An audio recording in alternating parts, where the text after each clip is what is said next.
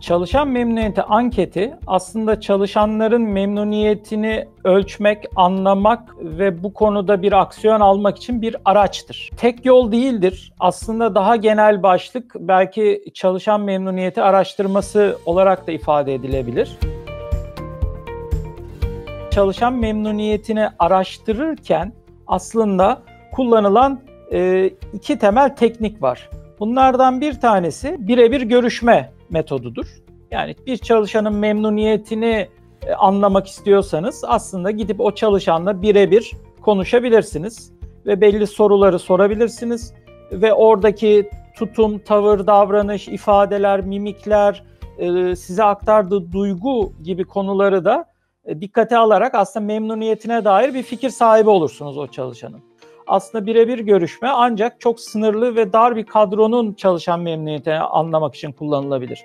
Geniş kitlelerin e, çalışanların özellikle de lokasyonları farklı farklı yerlerde olan çalışanların çalışan memnuniyetini anlayabilmenin, anlamlandırabilmenin, analiz edebilmenin yolu aslında ister istemez çalışan memnuniyeti anketinden geçer. Çalışan memnuniyeti anketi neden yapılır? Çalışanların memnuniyetini ve çalışanların bağlılığını arttırmak için yapılır.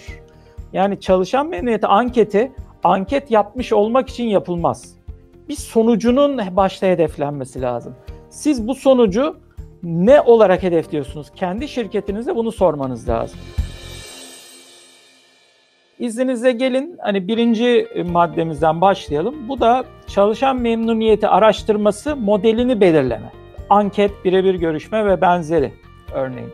Şimdi bu e, çalışan memnuniyet araştırması modeli e, bir kere bu işin temelidir. Yani siz iki kişilik, üç kişilik bir startup şirketseniz ve çalışan memnuniyeti anketini çok e, popüler trend olarak duydunuz. İlla anketi yapmaktansa belki de birebir görüşme yapmayı tercih etmeniz daha doğru olabilir. Çünkü zaten yan yana çalışıyorsunuz.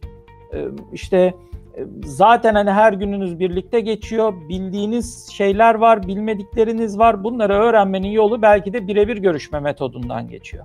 Buna karşılık 10 bin kişilik devasa bir holding, bir bankaysanız hani birebir e, görüşme yapayım derseniz de bunun altından kalkamazsınız.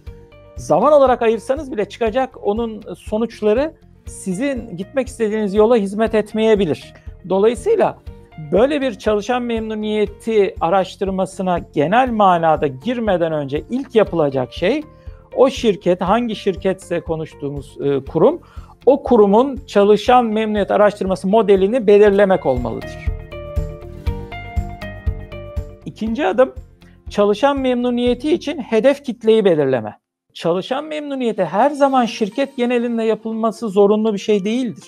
Daha spesifik nokta atışı belirli bir bölüm, belirli bir departman, belirli bir süreç, belirli bir lokasyondaki kişiler için çalışan memnuniyet anketini yapabilirsiniz. Gelelim üçüncü bu konudaki adıma. O da çalışan memnuniyeti anketi için veri toplama yöntemini belirleme. Veriyi işte bir diyelim ki form, matbu form bastırıp onu doldurtup öyle tek tek mi toplayacağım? Öyle yapacaksam oradaki insanlara nasıl ulaşacağım? Şu an uzaktan çalışma çok ciddi bir şey haline geldi. O, o insanlara nasıl ulaşacağım? Sonra bunları nasıl sayısallaştıracağım? Nasıl dijitalleştireceğim? Nasıl analiz edeceğim? Ee, işte farklı e, işaretlemeler olduysa bunu nasıl çözeceğim? Yok öyle yapmayacaksam, Excel'de yapacaksam diyelim ki bilgisayar ortamına taşıdım. Mail mi atacağım? Maille ya dönerlerse ya dönmezlerse Peki böyle yapmayacaksam form kullanayım, online form kullanayım, daha dijital olayım. Peki bu online formu nereden bulacağım? Onları mail mi atacağım, otomatik mi atacak? Gizliliği nasıl sağlayacağım? Bütün bunlar gördüğünüz gibi veri toplama yöntemleri adı altında irdelenmesi ve karar verilmesi gereken konular. Sıradaki adım çalışan memnuniyeti anketi puanlama ölçeğini belirlemek olacaktır. Bu noktada en e, bizce doğru olanı hani gördüğümüz e, beşlik bir ölçek, per, e, puanlama ölçeği belirlemek olacaktır. Yani birden beşe olan.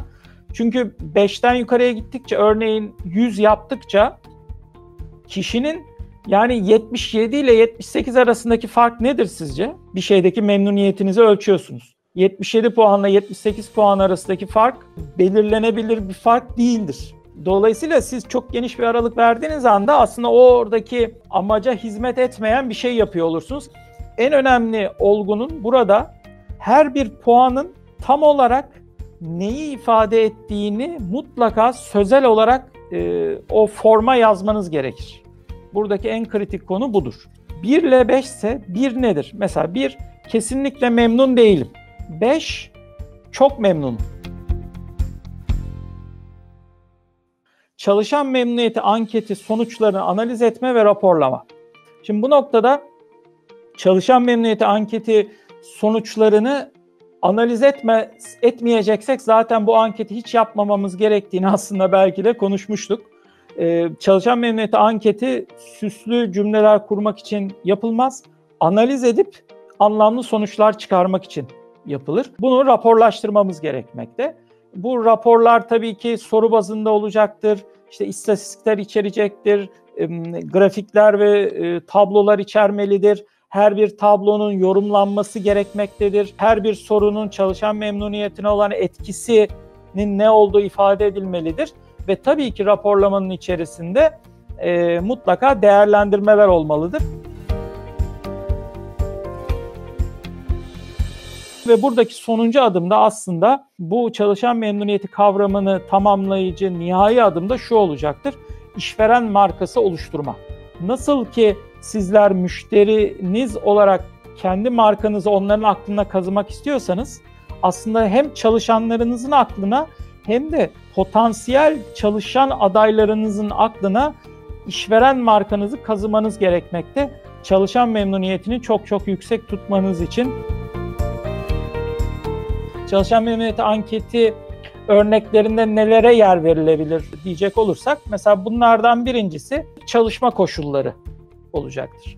Bir diğer başlık katılımcılık seviyesini ölçen sorular olacaktır. Bir diğer başlık iş tatminini ölçen sorular olacaktır. Bir diğer başlık etkili iletişimi ölçen sorular olacaktır. Hani dört taneyi bu şekilde söylemiş olduk. Beşincisi liderlik ve üst yönetim başlığı mutlaka olmalıdır diye düşünüyorum. Toplum üzerindeki etkisi yani çevreye olan etkisini ölçmek yine bence bir diğer e, altıncı başlık olabilir. Çok çok önemli bir bence başlık mutlaka olması gereken bir çalışan memnuniyeti anketi örneğinde olması gereken başlık kurum kültürünü ölçen sorular olacaktır. Bir diğer başlık destek hizmetleri ölçen bir başlık olması gerekecektir. Buradan kasıt şirketin operasyonunu yaparken ona esas operasyona destek olan yan hizmetlerin seviyesini, kalitesini ölçme, işte yemek, servis, IT gibi e, konulardan bahsediyorum olacaktır. Gelelim mesela 9.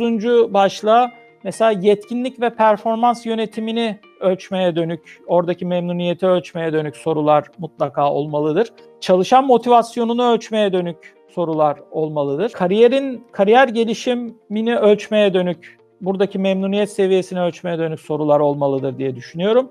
Ve e, çalışan bağlılığı da pek tabii ki bunun içinde ölçülebilecek bir başka başlıktır çalışan memnuniyeti anketinde. Mutlaka ve tabii ki ücret konusu olacaktır.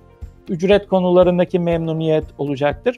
Bir diğer konu yan haklar ve sosyal haklar konusundaki memnuniyeti ölçümlemek, örneklerde çalışan memnuniyeti anketi örneklerinde yer alması gereken bir olgudur. Bir diğer olgu eğitim ve eğitimin yeterliliklerini sorgulamak olacaktır. Yani çalışana verilen eğitimin seviyesini ve bu konulardaki memnuniyetini ölçmek üzere e, sorular yer almalıdır. İş yeri memnuniyet anketi örnekleri deyince mutlaka bence içinde geçmesi gereken bir kavramda işte yetkilendirme konusunun yani ne kadar yetki verildiği ve bundan memnun olunup olunmadığı konusundaki e, sorular olacaktır.